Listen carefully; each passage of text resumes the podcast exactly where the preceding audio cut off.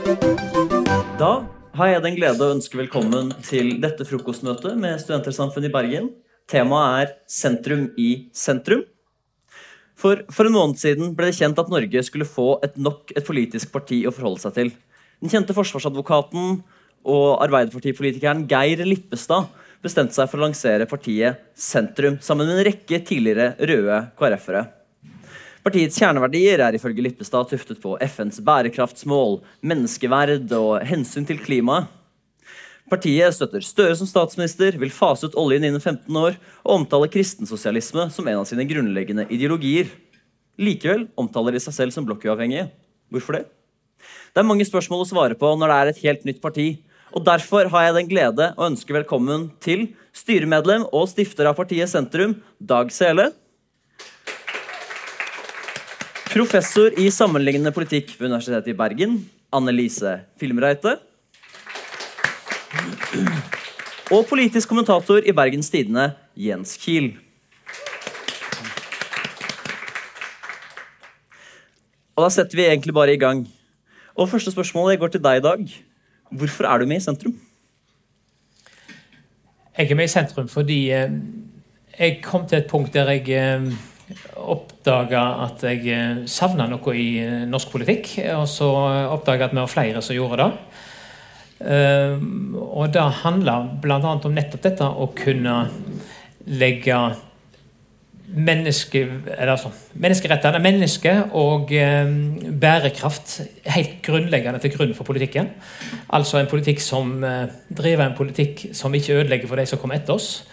Eh, det er mange partier som har det med som viktig moment, men det å kunne starte på nytt eh, og legge det helt til grunn for all politikk og tenke at det er der vi skal starte, eh, og å ha et parti som ikke hva skal vi si, representerer grupper, spesielle grupper i samfunnet, eller særinteresse, eller hva du skal si, men legger dette i bånn. Det syns jeg var en spennende tanke, og ikke minst å gjøre det ut fra en blokkuavhengig tanke. En reelt blokkuavhengig der en kan samarbeide begge veier, litt avhengig av situasjonen.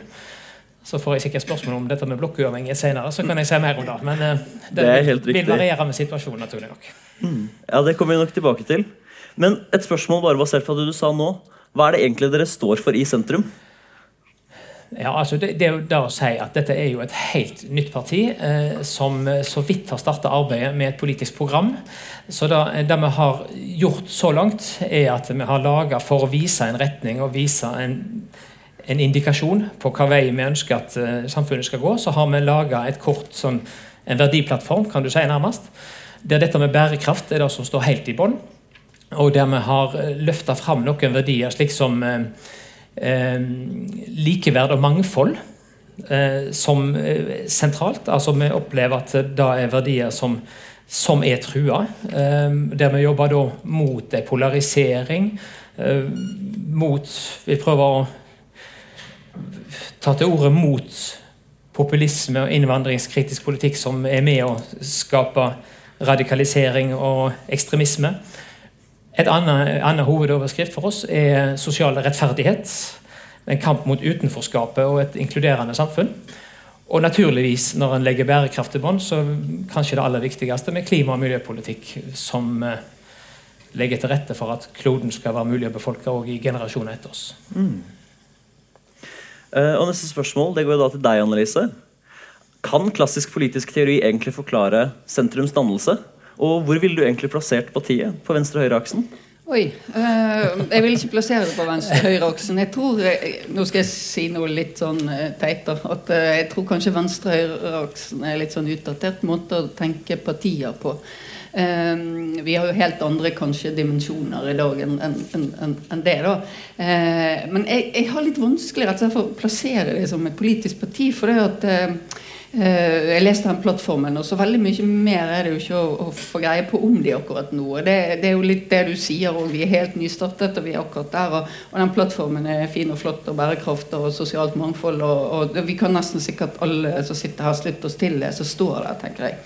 Eh, men så sa du noe nå som gjør meg sånn litt småbekymret. og Det var at du skulle ikke representere noen interesser i samfunnet. Eh, og, og, jeg tenker at politiske partier er jo nettopp til eh, Og de, de, de, de kommer jo opp fordi at de eh, nettopp skal representere og, og ta hånd om og, og, ta inn i seg de konfliktlinjene som er i samfunnet. For uansett hvordan vi snur og vender på det, så vil jo et samfunn ha konfliktlinjer. Og her er det mange som jeg kjenner som har studert sammenlignende politikk, og de har eh, hørt oss snakke om klassiske konflikter, altså klasse, som religion, som urban, rural, og som sentrum-periferi. Og du kan ikke ta de vekk i vårt samfunn, eller i andre samfunn. Eh, og hvis man ikke skal representere noen interesser inn i dette her, så, eh, så er det vanskelig for å plassere dette som et politisk parti. Da, da, tenker jeg mer at det blir en sosial bevegelse som, som, som flyter litt oppå eh, det partilandskapet sånn som vi har det. Mm.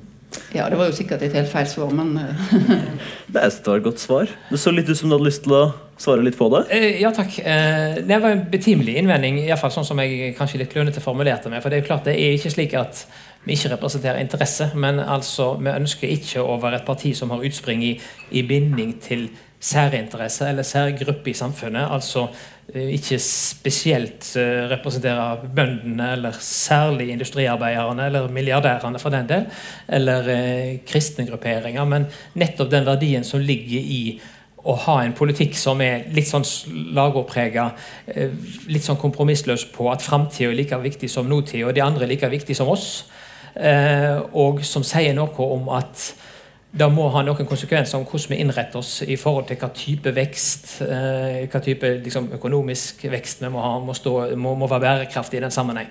Eh, da regner jeg med skal representere rikelige konfliktlinjer etter hvert som vi kommer i gang. Dere er rett og slett det som vi på litt sånn sandpolsk vil si gål. Grønn alternativ og liberal.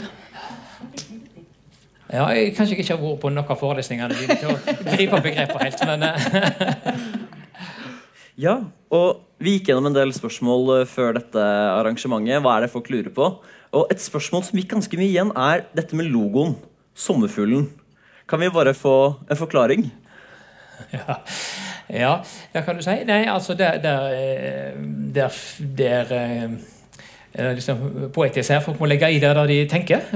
nei, altså det, det, som har vært litt vår tanke, er altså, altså sommerfuglen som en representant for håpet. Ehm, og ehm, noen har vært så vidt innom kanskje ehm, referanse til sommerfugl i vinterland. Mm. Så vi er litt grann i den gata der. Men er litt flagrende nå, da? Litt flagrende nå, det kan vi si. Nei, fordi I helga så leste jeg eh, den boka som kommer i overmorgen, av eh, Anne Grete Preus, artisten, med hennes tekster som hun, har, eh, som hun skrev før hun eh, gikk bort i fjor. Eh, og hun har jo en, eh, en hit, eh, egentlig, om sommerfuglvinger. Og den treffer jo egentlig ganske godt, for den handler nettopp om, om, om sommerfuglen sitt, eh, sin flagring, som kan forårsake en storm. Eller, altså eh, tilfeldighetene, da, eh, egentlig. Og det er jo kanskje det som er litt kritikken her. Om det kan bli litt sånn litt her og litt der. Ja. ja. Og neste spørsmål går egentlig både til deg og til Annelise. Tror dere at sentrum kan føre til at KrF ender opp under sperregrensen ved å splitte stemmene i sentrum? Altså, Det vi ser akkurat nå, er i hvert fall eh, indikasjoner på at det er det som skjer. Eh, F.eks. på Agder så har jo nå Kjell Ingolf eh, Ropstad partilederen stilt på førsteplass både i Aust- og Vest-Agder fordi de var stressa for at han ikke skulle eh, få en plass på Stortinget. Eh, og nå hadde Federlandsvennen en undersøkelse ja, rett før helga, tenker jeg det var, i begge fylker, hvor det viser seg at, at eh, KrF da er eh, ute, og at det, det de mangla, var til sammen de stemmene som eh, partiet De Kristne og sentrum tar. Altså De til sammen tar ca. 1 eh, av alle i denne undersøkelsen. Og det var nok til å vippe ut eh, han, men selvfølgelig veldig veldig, veldig langt unna at sentrum skal få noen egen eh, kandidat. Og det skal jo bli spennende å se hvor, hvor, de på en måte lander. Til nå så har det jo ligget rundt sånn 0,2-0,3 på målingene, som jo er eh, akkurat omtrent det som KrF tror jeg er utrolig bekymra for å miste når de ligger på 3,6, 3,8, 4,1, 3,7 Ja, rundt det landskapet der. Kunne jeg fått mer kaffe? Ja. Det er sånn er det å sitte i panel. Da kan man spørre om sånne ting. Nei, jeg, jeg tror det er samme. Altså. Jeg tror det kan være en, en, en, en reell fare. Mm. Mm. Eh, Så eh, er jo det litt sånn med meningsmålinger, og særlig knyttet til et nytt parti, at det er kanskje noen som sier de vil stemme på dem, som når alt kommer til alt og valgdagen er der, så eh, så gjør de ikke det, da. Eh, så så det, det er litt sånn Vi er litt tidlig i forhold til valget. Åpenbart. Men jeg tenker jo at, sånn, at med all den oppmerksomheten som har vært, at når du spør 600 mennesker, at et av de menneskene svarer jo, hvis det var valg i morgen, så ville jeg stemt sentrum. Ja, Det tenker jeg kan godt hende Absolutt. eh, kan Absolutt. være. Og at det mennesket kanskje også sitter i, et, sitter i styret i et eh, fylkeslag. Så, men det, det er klart, eh, det gjør det jo også litt sånn vanskeligere for, eh, for Ropstad å manøvrere i. da. Jeg syns det også er spennende, fordi at han har jo eh, Hvis han da på den ene sida er nødt til å fighte mot partiet De kristne, eller The Party formerly known as Partiet De kristne, og nå kanskje Republikanerne eller noe annet. eh, som jo står for en veldig sånn eh, Skal vi si Amerika-inspirert eh, kristen konservativ politikk. Og så på den andre sida skal eh, fighte mot sentrum, som jo er på en måte et veldig sånn et, et markert venstresideparti ikke sant? Altså, som vil kaste dagens regjering, sette inn en Støre-leda regjering som ønsker at all oljevirksomhet i Norge skal være avslutta innen 15 år osv. Så, videre. Eh, så tenker jeg at han får en veldig stri jobb. da Og så lite som det partiet er, så er det jo egentlig nede på de, de marginene han jobber nå. Altså Det kan jeg si etter selv å ha jobba som valgkampsekretær i SV i den fantastiske 2013-valgkampen, hvor vi endte 1100 stemmer over sperregrensa, eller noe sånt noe. At da sitter du ikke og tenker på liksom eh, Vi burde bli det store studentpartiet og få hundretusenvis. Da er det sånn Ok, men der finnes det kanskje 70 folk som har lyst til å stemme på oss. De må vi snakke med. Ja. De der kristne, de i alle fall tan, for å si det sånn. De er, altså, Den nye dimensjonen som vi snakker om, altså gal og tan, de er tradisjonelle, de er autoritære, de er nasjonale i sin orientering. sant? Og så har du disse andre som er grønne alternativer og, og liberale. Og det er mange som bruker det som en inndeling på partiene som treffer bedre enn høyre og venstre. Det er vel det som eksempel nå gjør at, at mange opplever at Eller det er stor utveksling mellom Senterpartiet og Frp. Ja, For dette er to mm. partier som ligner hverandre langs den aksen, mens Ja. langs den aksen som jeg som en sånn mer tradisjonell sosialist forholder meg til, eh, da ligger de to partiene ganske langt fra hverandre og peker på hver sin regjering. Men det er jo det som gjør det spennende å se på partier med ut, utgangspunkt i ulike former for dimensjoner. For det, da, da treffer altså, du sier at vi er i sentrum. Ja, det er én dimensjon. Men hvis du tar den andre dimensjonen som jeg sa nå, så, så ligger sentrum, partiet sentrum på en helt annen sted i, i, i partilandskapet. Da. Så, så man må på en måte ikke bare se seg blind på én måte å se partier på. Hvor du kommenterer dette med, med, med altså meningsmålinger er jo generelt usikre, og i alle fall i så små tall. Men vi er jo liksom der at eh, jeg har sett 0,5 vel i en, i snitt i en sammenheng. Og, og uansett så er jo det overraskende høye tall for meg for et parti som ikke er registrert ennå, og som ikke er blant de som man egentlig har, har eh, valget mellom. Eh, men i, forhold til eh, KrF eh, Nå prøver jeg å unngå å snakke mer enn nødvendig om KrF, mer enn andre, men når det så var oppe i forhold til eh, effekten der, så tror jo, eller er jo trenden i fall at KrF styrer mot å gå under sperregrensa før sentrum kom på banen. for å si det slik. De har jo, så vidt jeg har registrert, på Poll og Polls i snittmålinger ligget under sperregrensa i månedssnitt med unntak av én måned etter uh, retningsvalget. Så har de ligget én gang på fire blank, ellers ligget under.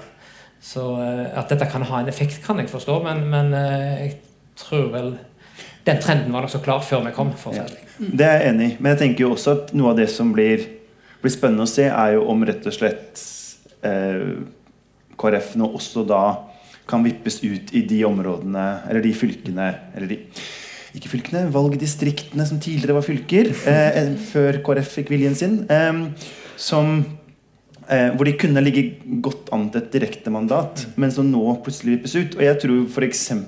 at det vil være eh, her i fylket, da, så vil det være ganske mange som, av de som kunne ha stemt på alt det som står i eh, partiet Sentrum sitt sånn foreløpige program eller erklæring eller sånn, og som tenker ja, alt dette er jeg enig i, og derfor skal jeg gå og stemme på Dag Inge Ulstein. Mm. Eh, fordi han er kanskje en av de aller fremste eksponentene for det synet i Norge. Eh, og han har vært utviklingsminister, lærerutviklingsminister og eh, sånn. Og det, og det, er klart, hvis, hvis han mister sitt direktemandat fordi 411 eh, mennesker går og stemmer sentrum, så har jo på en måte den det synet kommet eh, dårlig ut. Og det er jo Du kan jo sikkert eh, professor Fimreite hjelpe meg med, men, men, mitt inntrykk er at ved stortingsvalg så betyr spørsmål om sperregrenser ganske mye for velgerne. Altså at,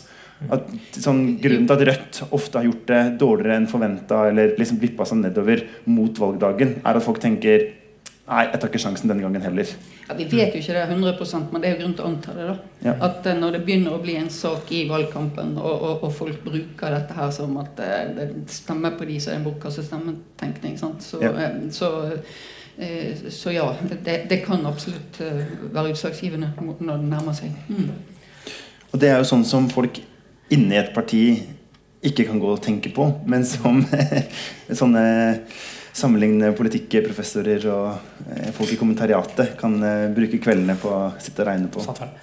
Jeg, det jeg tenker på i den sammenhengen, er jo at én ting er sperregrense, mandat osv. Og, og det er klart at det, det, kan virke som et ganske vilt og naivt prosjekt å starte et nytt parti i hele tatt.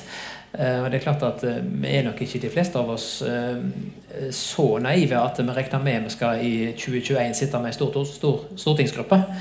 Eh, tvert imot så vil det jo være et skrell av de helt store hvis en eh, kommer inn i hele tatt.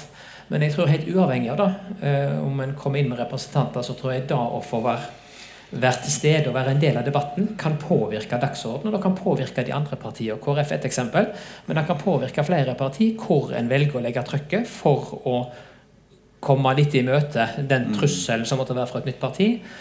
Um, gitt at vi får disse berømte 5000 underskriftene våre. Derfor er det det som er vår uh, hovedbekymring uh, og hovedagenda nå. Å få kommet få bli med i startoppstillingen, såkalt. Eh, og Hvor mange har dere? På den måten så, så, tenker vi at da tror vi at vi kan prege, selv uten å få et eneste mandat, så tror vi at vi kan være med og påvirke hvordan andre partier må legge sine prioriteringer. Mm. Og Der har jo et godt eksempel med bompengepartiet i fjor. sant? Ja, for eksempel. Mm. Som stjal en hel valgkamp. Jeg kunne sagt litt om den sammenligningen nå, det skal jeg ikke gjøre. Nei, nei, men, men, jeg skjønner hva du mener. Men si hvor mange dere har. Si hvor mange underskrifter dere har. Men, men, ja, underskrifter, Det siste jeg hørte, var at vi, vi lå nett hadde passert 1400. Ja. Mm. Så det er et godt stykke igjen. Eh, men vi bygger, bygger nettverk rundt omkring. Så ja. Eh, jeg har med meg liste hvis noen skulle ja, Naturlig nok. vi skal faktisk så vidt innom bompengepartiet, sånn som dere nevnte i stad. Seinere. Ja.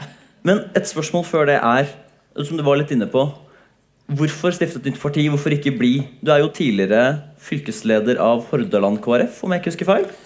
Ja, og Telemark. Og, og Telemark. Ja, jeg har vært mye med KrF. Mm.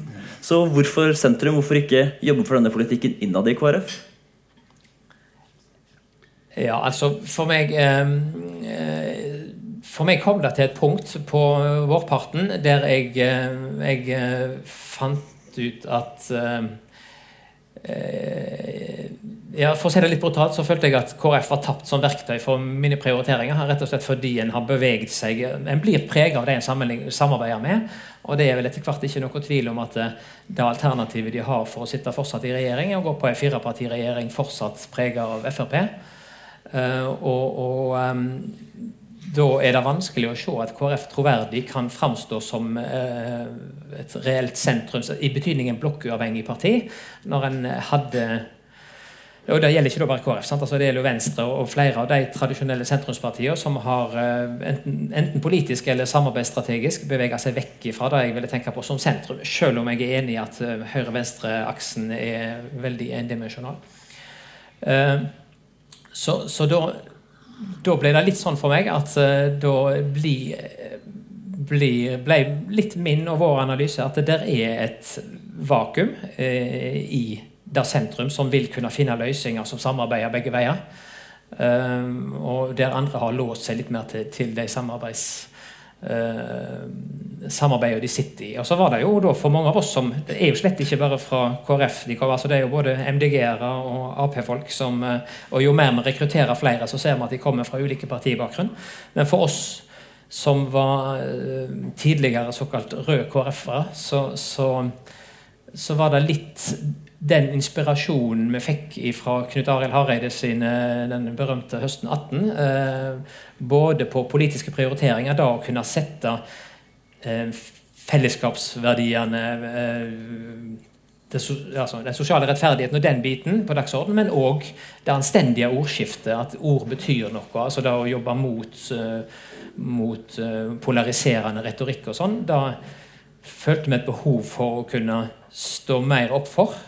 Og på den andre sida slippe uh, altså mange av, mange av, oss uh, Vi var flere som gjorde som meg, tror jeg, og venta et års tid altså for å se hvordan går dette. Det kan hende det går an å jobbe innenfra, men, men en opplevde som sagt at den delen ble for taus. og, og ja, Spesielt den biten der jeg kunne trenge å ta til motmæle for en del ting som kom fra Frp-statsråder. Der ble det veldig stille. Og vi ønsker å kunne si noe da, i de sammenhengene. Mm.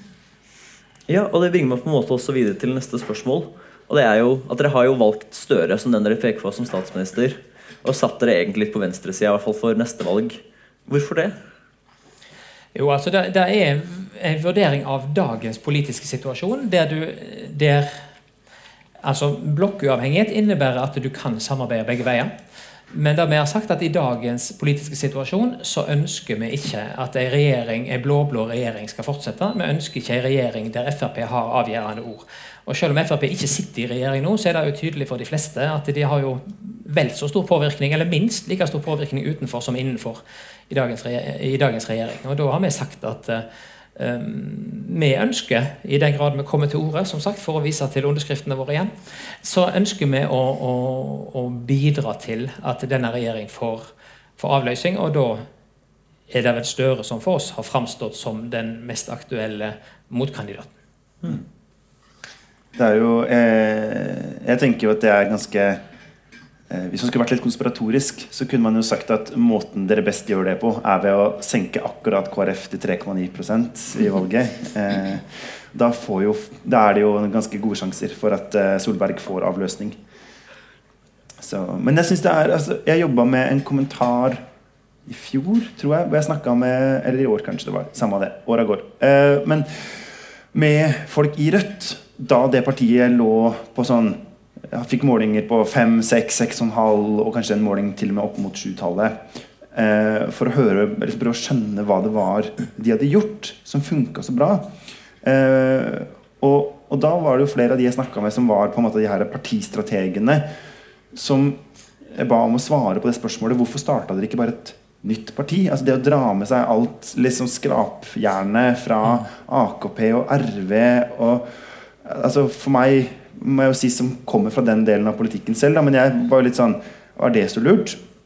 Eh, og da var det liksom en som satte bare øya i meg og sa sånn Men Jens, man bare starter jo ikke nye partier. Altså Det, det funker aldri i Norge.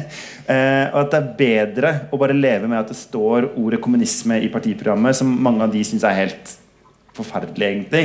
Eh, og på en måte bare stå i at en god del av folk folka som er aktive, er eh, hva skal jeg si, kommunister av den liksom gamle, sinte skolen, enn det å skulle si altså starte helt uten partiorganisasjon, uten partistøtte, uten på en måte noen forventning om taletid.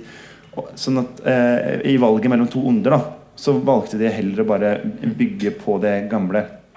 Eh, så fins det eksempler på det, på det motsatte. Altså, eh, hvis det viser seg at dette er en slags Finn Gustavsen om igjen. Altså som, hvor SF som ble ekskludert ut av Arbeiderpartiet eh, og, da, og, røyk rett inn på Stortinget. Altså, hvem veit? Men, men eh, eh, det som jo kjennetegner de sakene, har jo også vært at det har vært en, eh, en veldig sånn eh, akutt debatt i samfunnet. altså Sånn som at MDG kunne vokse fordi SV og så Venstre satt i regjering og ikke leverte i klimapolitikken. Eh, og da så folk seg om etter et alternativ. Eh, Rødt kunne gjøre det samme på fordelingspolitikken mot SV. Eh, og sånn har det på en måte vært egentlig hver gang et parti har dukka opp. altså at Ingen andre partier i Norge representerte den, den delen altså, av folket som er ganske innvandringskritisk, som eh, dagens Frp har gjort. Eh, og det er der altså, Foreløpig så ser jo ikke jeg, som, som Annelise sa eh, Det er umulig å være uenig i det partiprogrammet. Eller det, ikke sant? Altså, det er vi skal bygge broer, ikke murer. Alle mennesker er like mye verdt. Eh, det er fullt av sånne type eh, blomstrende ord og uttrykk som, som alle kan, kan, skrive under på. Og kanskje derfor folk ikke gidder å skrive under på. Eh, jeg veit ikke. Mm. Nå har dere jo begge tegnet dere, men jeg tror Annelise var først. Ja, altså Det er jo et eller annet med Du kan bruke det veldig veldig få eksempler av Finn Gustavsen. Sant? Og det er jo òg et eller annet med at det er enkeltsaker og enkeltpersoner som lager partier som det er sånn som både hos oss og i andre land skjer veldig sjeldent. Og det å bygge et parti, det er en langsom greie. Eh, og du brukte eksempelet på Fremskrittspartiet, som plutselig fikk eh, innvandringssaken. Men Fremskrittspartiet var jo et skatteparti ganske, ganske lenge. Sant? Og de ble valgt inn ved dette her eh, jordskjelvvalget i 73. Eh, første gangen som Anders Langes parti. Og da var det jo et sånt protestparti for, eh, for skatter og avgifter. Og så gikk det ut gjennom Stortinget, og så bygget de seg gradvis opp. Og da, fikk, eh, da gjorde jo Carl I. Hagen akkurat det som Arbeiderpartiet gjorde 100 år før de bygget partiet nedenifra. Altså de fikk representasjonen lokalt. Ja. Og det er jo det som blir det nye partiets utfordring, tenker jeg. Og så må man komme inn på Stortinget ja vel, kanskje én gang, og så ut igjen.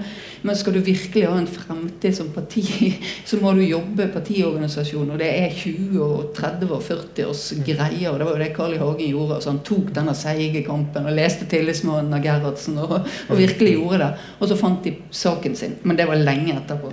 Og MDG eh, vaket jo egentlig rundt som en fiasko i Norge ganske lenge før de endelig ble et parti. Nesten 25 år, ja, egentlig. De, fra 1988.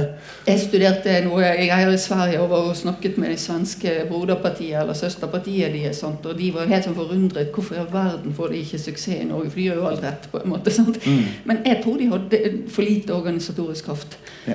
Og derfor så, så, så, ble de bare en bevegelse oppå der som egentlig i hvert fall de aller aller fleste jeg kjenner, var enig med. Men det ble ikke noe parti, for de hadde ikke en sånn greie. Så, så, jeg eh, tenker at skal sentrum bli en suksess, så kan vi kanskje snakkes igjen om ganske mange år. Og da må de ha jobbet nedenifra for å, å, å lage organisasjonen.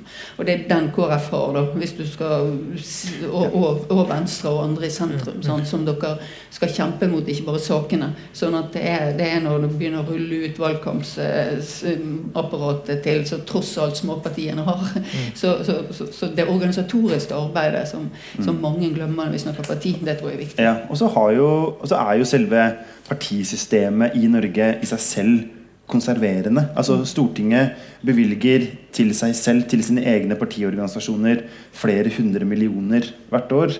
Eh, de har laga en sperregrense som passer dem eh, Eller passer i hvert fall dem veldig godt. Nå er det vel flere av de partiene som har lurt litt på den etter hvert. Men, men og sånn eh, kan du si at man på en måte til en viss grad trekker opp stigen etter seg fra stortingspartiene. da eh, men, eh, men, men, sånn som Kystpartiet, som jo røyk inn på en sånn type kampsak De røyker ut igjen, men de finnes jo fremdeles i dag i kommunestyrer. Eh, rundt forbi. Mens eh, hva heter Finnmarksopprøret? Mm. De tror jeg rett og slett er helt borte. Eh. Nei, jeg tenker, altså, Til det siste først, så tenker jeg at um, Som jeg antyda i stad, vi tenker ikke at det er suksess i 2021 som er avgjørende for, for vårt prosjekt. Det er et mye langt mer langsiktig prosjekt. Eh, men vi fant ut at nå var tida for oss å starte. Og så søker vi så mye oppslutning vi klarer, og så mye oppmerksomhet vi klarer i denne runden. Og så har en, en et langsiktig prosjekt med mange, mange erfarne, flinke folk i organisasjonen som er med allerede. Men det, jeg har lyst til å si om akkurat det med, med hvorfor starte nytt parti kontra det å jobbe i et av de gamle. For jeg ser jo litt av de kommentarene en ser eh, mange plasser, går jo litt på dette at vi trenger ikke flere partier. Vi har parti nok. Eh, og da, det, Jeg forstår den tankegangen. og Jeg har jo må jo tilstå, jeg har ofte tenkt sånn sjøl når jeg satt en annen plass enn jeg sitter nå. Men, men så har det slått meg at det er jo ikke sånn at den sammensetninga av parti vi har nå, er en del av naturlovene eller gitt av Vår Herre. for å si Det slik. Det skjer jo endringer, har gjort gjennom historien, i partilandskapet òg. Eh, kanskje er det sånn at uh, det er noen som på litt sikt er på vei ut, at det kommer nye inn. Um, uten at jeg skal konkretisere og spå noe mer om det. Men at det skjer skifte, tenker jeg ikke er unaturlig. Og jeg tenker at da å treffe bølger, treffe uh, saker er, altså Enkeltsaker er jo én måte å treffe det på. Jeg tenker at jeg ville heller ha en, en bredde i politikken. En, en enkeltsak som skaper stor oppmerksomhet i starten, og som så eh, forsvinner ut igjen. Um, og der er det vi tror at uh, vi lever i en tid nå der nettopp bærekraftstenkningen er avgjørende. Vi lever, lever, i en tid der det er mange ting som truer eh, framtida, og vi tror kanskje at eh, det er mange der ute, så savner noen som setter det aller først. Og da å kunne si at vi legger større vekt på hva effekt dette har på framtida, enn hva effekt det har på, på lommeboka vår i dag. Jeg tenker Det er en konfliktlinje som, som, vil bli mer tydelig når vi får jobbe med våre politiske verksted, som vi vedtok i går kveld, tror jeg, på et Zoom-møte. Um, som er i gang med politiske verksteder. I Men, men hva for ved det tenker du at et parti som MDG mangler? Jeg skal, jeg skal, være forsiktig og uttale meg skråsikkert om andre partier. Iallfall skal jeg ta det forbeholdet at det er bare ut ifra det inntrykket jeg får, som det jo er for mange som eh, tenker at MDG har fantastisk bra eh, klima- og miljøprofil, og har jo sin hovedagenda der som de, som de gjør veldig godt. Og som jeg tenker kanskje blant de som ligger nærmest oss, eh, sånn sett, sånn i politiske prioriteringer. sånn sett. Men jeg tenker kanskje at de kan ha Iallfall så ønsker vi å vektlegge i veldig stor grad å ha en, en uh, grønn, bærekraftig næringspolitikk. Altså den biten som handler om å skape verdier i, mm. på en bærekraftig måte framover. Uh, de har forholdet til livssynspolitikk, trospolitikk, eller hva du skal si. Altså, så er det en forskjell, om man ikke hører så stor, så er det en forskjell på deres livssynsnøytralitet og vår livssynsåpenhet. Mm. Eh, vekten på nettopp mangfoldet, men likevel betydningen av folks trosliv. Mm. Eh, og der er noe, uten at jeg vet hva som står formulert, så har vi i hvert fall fått et inntrykk av eh, en ruspolitikk som nok vil skille seg fra vår tenkegang. fra den men, liberalistiske delen. Ja, men f.eks. Eh, SV, da, altså et parti stappfullt av kristensosialister, mm. som har faktisk de siste åra skaffa seg vi får si en slags næringspolitikk. Eh, og, og, som jo ellers Jeg vil tro mange altså, eh, En av de tingene som er veldig tydelig i programmet eller i den erklæringa deres, er jo nettopp prioriteringa av eh, papirløse flyktninger, folk med funksjonsnedsettelser, eh, fattige unger altså Svake grupper er jo et forferdelig meningsløst uttrykk, men eh, folk som ofte blir plassert nederst ved bordet, da. Eh, hva, hvorfor ikke SV, bare? Jeg tenker akkurat i de tingene du nevner, altså kampen for sosial rettferdighet, i hele tatt, så vil jo SV være en nær alliert i denne sammenhengen. her. Men så Eh, som du vet, så har vi også sagt noe om at kristendemokrati er en ideologi som, som er, blant våre inspiratorer. Og, og, hvis du skal lete etter forskjellene, så, så, så, ligger det kanskje der i forhold til at vi ønsker å balansere betydningen av fellesskapsløsninger med, med å ha et positivt syn på i alle fall ideelle og i noen sammenheng private aktører også, i, i å løse samfunnsoppgaver. Eh, altså at eh, det er en forskjell på å legge stor vekt på at vi trenger sterke fellesskapsløsninger for å løse de store oppgavene, og da å tenke at samfunnet i betydning staten skal løse alt og legge en løsning på alle. Så En av de tingene som jeg ser på som en forskjell der, jeg går litt på den balansetenkningen som er mer inspirert av kristendemokratisk tenkning. Med hele barnehageforliket så er det vel ingen partier i Norge som har gjort mer for å bane veien for private altså ideelle, men også private-private aktører i en stor sektor i Norge enn SV? Nei, det, jeg bare tok over jobben din, jeg. Men jeg, jeg, jeg synes det er spennende. Nei, men det viser vel akkurat det som er litt spennende når, når, når partier som er litt mer ute på sida, kommer i regjering. Så skjer jo av og til da at det får en litt mer nyanserte løsninger. Så var det vel ikke så intendert heller? Eh, jeg tror Når det gjelder det ideelle, helt intendert. Ja, det var det, men jeg tror altså, liksom Nordea og ja. Kids, Kids og, ja. jeg, tror ikke det, jeg tror ikke det var liksom Kristin Halvorsens drøm, nei. men, men eh, det er jo jeg tenker litt på det der som du sier, å utfordre partilandskapet i Norge. Det, det, det det er fullt legitimt, det, men vi har jo et ekstremt stabilt uh, partisystem i Norge. Også, uh, vi har uh, fempartimodellen som vi har slitt med siden Rokkan klassifiserte det. Altså, nå har vi elleve partier i Bergen bystyre, men, men, men, men, det er på en måte avskygninger av denne fempartimodellen, alle sammen, på, på, på et vis. Og, og, mine kollegaer som studerer andre systemer, de er jo liksom Vi har et flerpartisystem som er, er stabilt. Det er i, i Norden. Det er ganske oppsiktsvekkende, egentlig. Hvis du går ned til Balkan og, og, og andre områder, så har de sånn 70 partier eller et eller annet sånt, så de sprer det jo utover alt. Så jeg tror jo du kanskje vil eh, kan, kanskje slite litt med å komme inn i dette stabile, litt sånn som Rokkan sa, 'frozen system'. altså, For at eh, du må, eh, som, som, som Jens sier altså, eh, Det er noe med eh, hvor, ja, vi hopper litt her og litt der og passer litt der med litt den og litt der, og så er en blokk uavhengig. og det, det tenker jeg er fint. Men så er det én ting som tross alt vi begynte med å snakke om at uh, det er konfliktlinjer, og vi skal ikke representere interesser og sånt. Men, men det dreier seg jo om enkeltsaker. Og veldig mye av politikken og veldig mye av det som folk ofte uh, holder, holder, frem og tenker på når de skal stemme, er jo gjerne enkeltsaker. Hva mener dere om formuesskatt? Hva mener dere om politireformen? Hva mener dere om skolegudstjenester til jul? Altså, Der er en del sånne helt konkrete saker som de andre partiene gjerne har helt klare Fordi de har helt klart sine konfliktlinjer på, på hvor de mener. Mm. Og, og, og formuesskatten det er en helt klar klassedimensjon i uansett hvordan du snur og vender på det. Sant? Eh, politireformen helt klart sentrum-periferi-konfliktlinjen eh, som ligger der. Eh, skolegudstjenester helt klart den religionssaken som ligger der. Så, så jeg, jeg, tror at Jeg skal ikke snakke så veldig mye om det bompengepartiet. men men det at man ikke har vært igjennom hele denne eksersisen om hvor man står, ikke nødvendigvis i enkeltsaker, men hvordan man skal forholde seg til enkeltsaker ut fra konfliktlinjer i samfunnet, og hva sider av konfliktlinjene man, man, representerer, det tror jeg er, eh, det, det er noe som tar lang tid, og det er en sånn partimodning som jeg tror er viktig. Mm. Ja da, og, og, eh, og, fristende å si som jeg satt eh, i bilen og hørte på Politisk kvarter på veien over når de diskuterte noen detaljer i budsjett og skatteopplegg, så er fristende å si som uh, han Ap-representanten sa, at det kommer, det kommer. Det kommer mer. Uh, selvfølgelig. Det var god råd. Det, ja, nei, men altså, det er klart vi må, vi må ha konkret stillingstagen i praktisk politikk. Det holder ikke med en verdimessig overbygning. Men jeg merker meg det du sier om at at du har et nokså sånn frozen system, da, da, da, eh, tror jeg nok, og det er ingen tvil om, og vi undervurderer på ingen måte den jobben det er å altså Utfordringen det vil være å komme seg inn i et sånt system.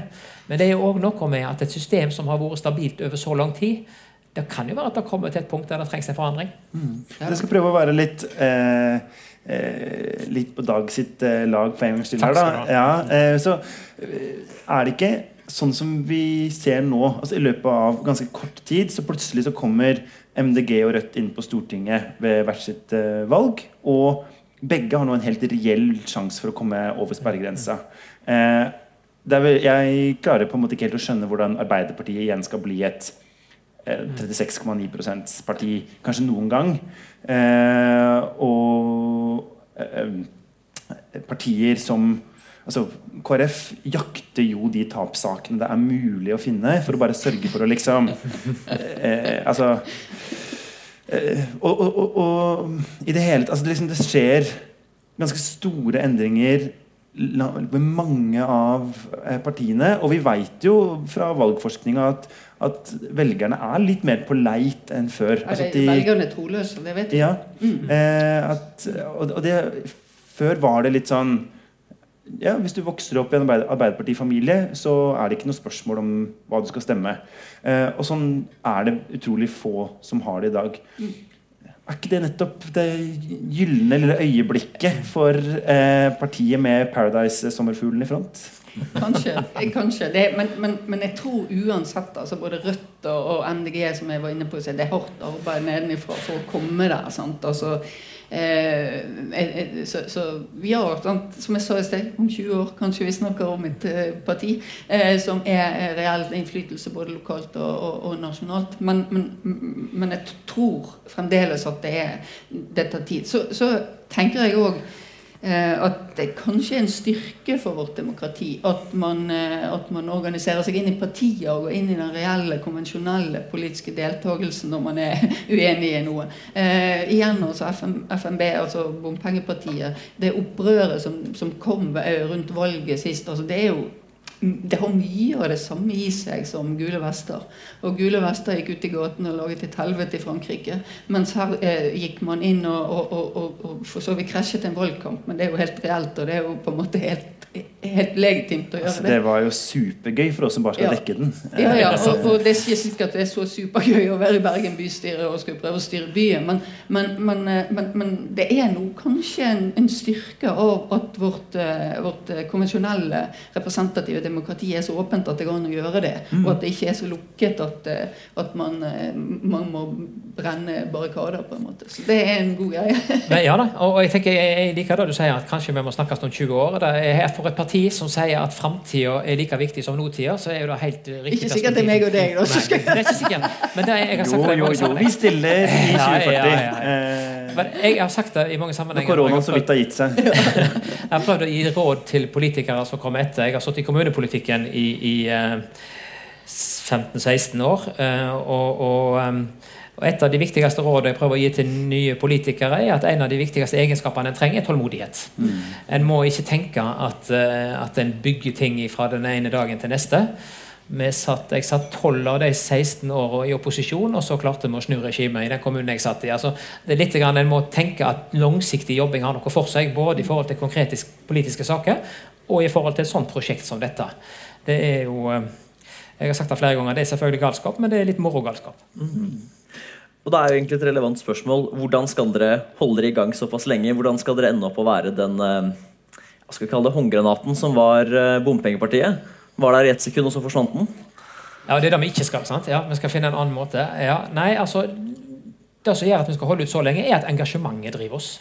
Engasjementet for, for en politikk som tar på alvor at etterkommerne våre i flere generasjoner skal ha muligheter, og at deres muligheter er like viktige som våre muligheter. Og det er viktigere enn enn, eh, at vi skal øke vår rent eh, materielle eh, rikdom her. Og jeg tenker, Det er et sånn brennende engasjement som jeg kjenner er blitt veldig styrka hos meg når jeg treff, når vi liksom når vi har fått funnet den alliansen som vi har i, i partiet Sentrum. og jeg, det er sånn smittende engasjement som jeg tror kommer til å holde dette veldig godt i gang.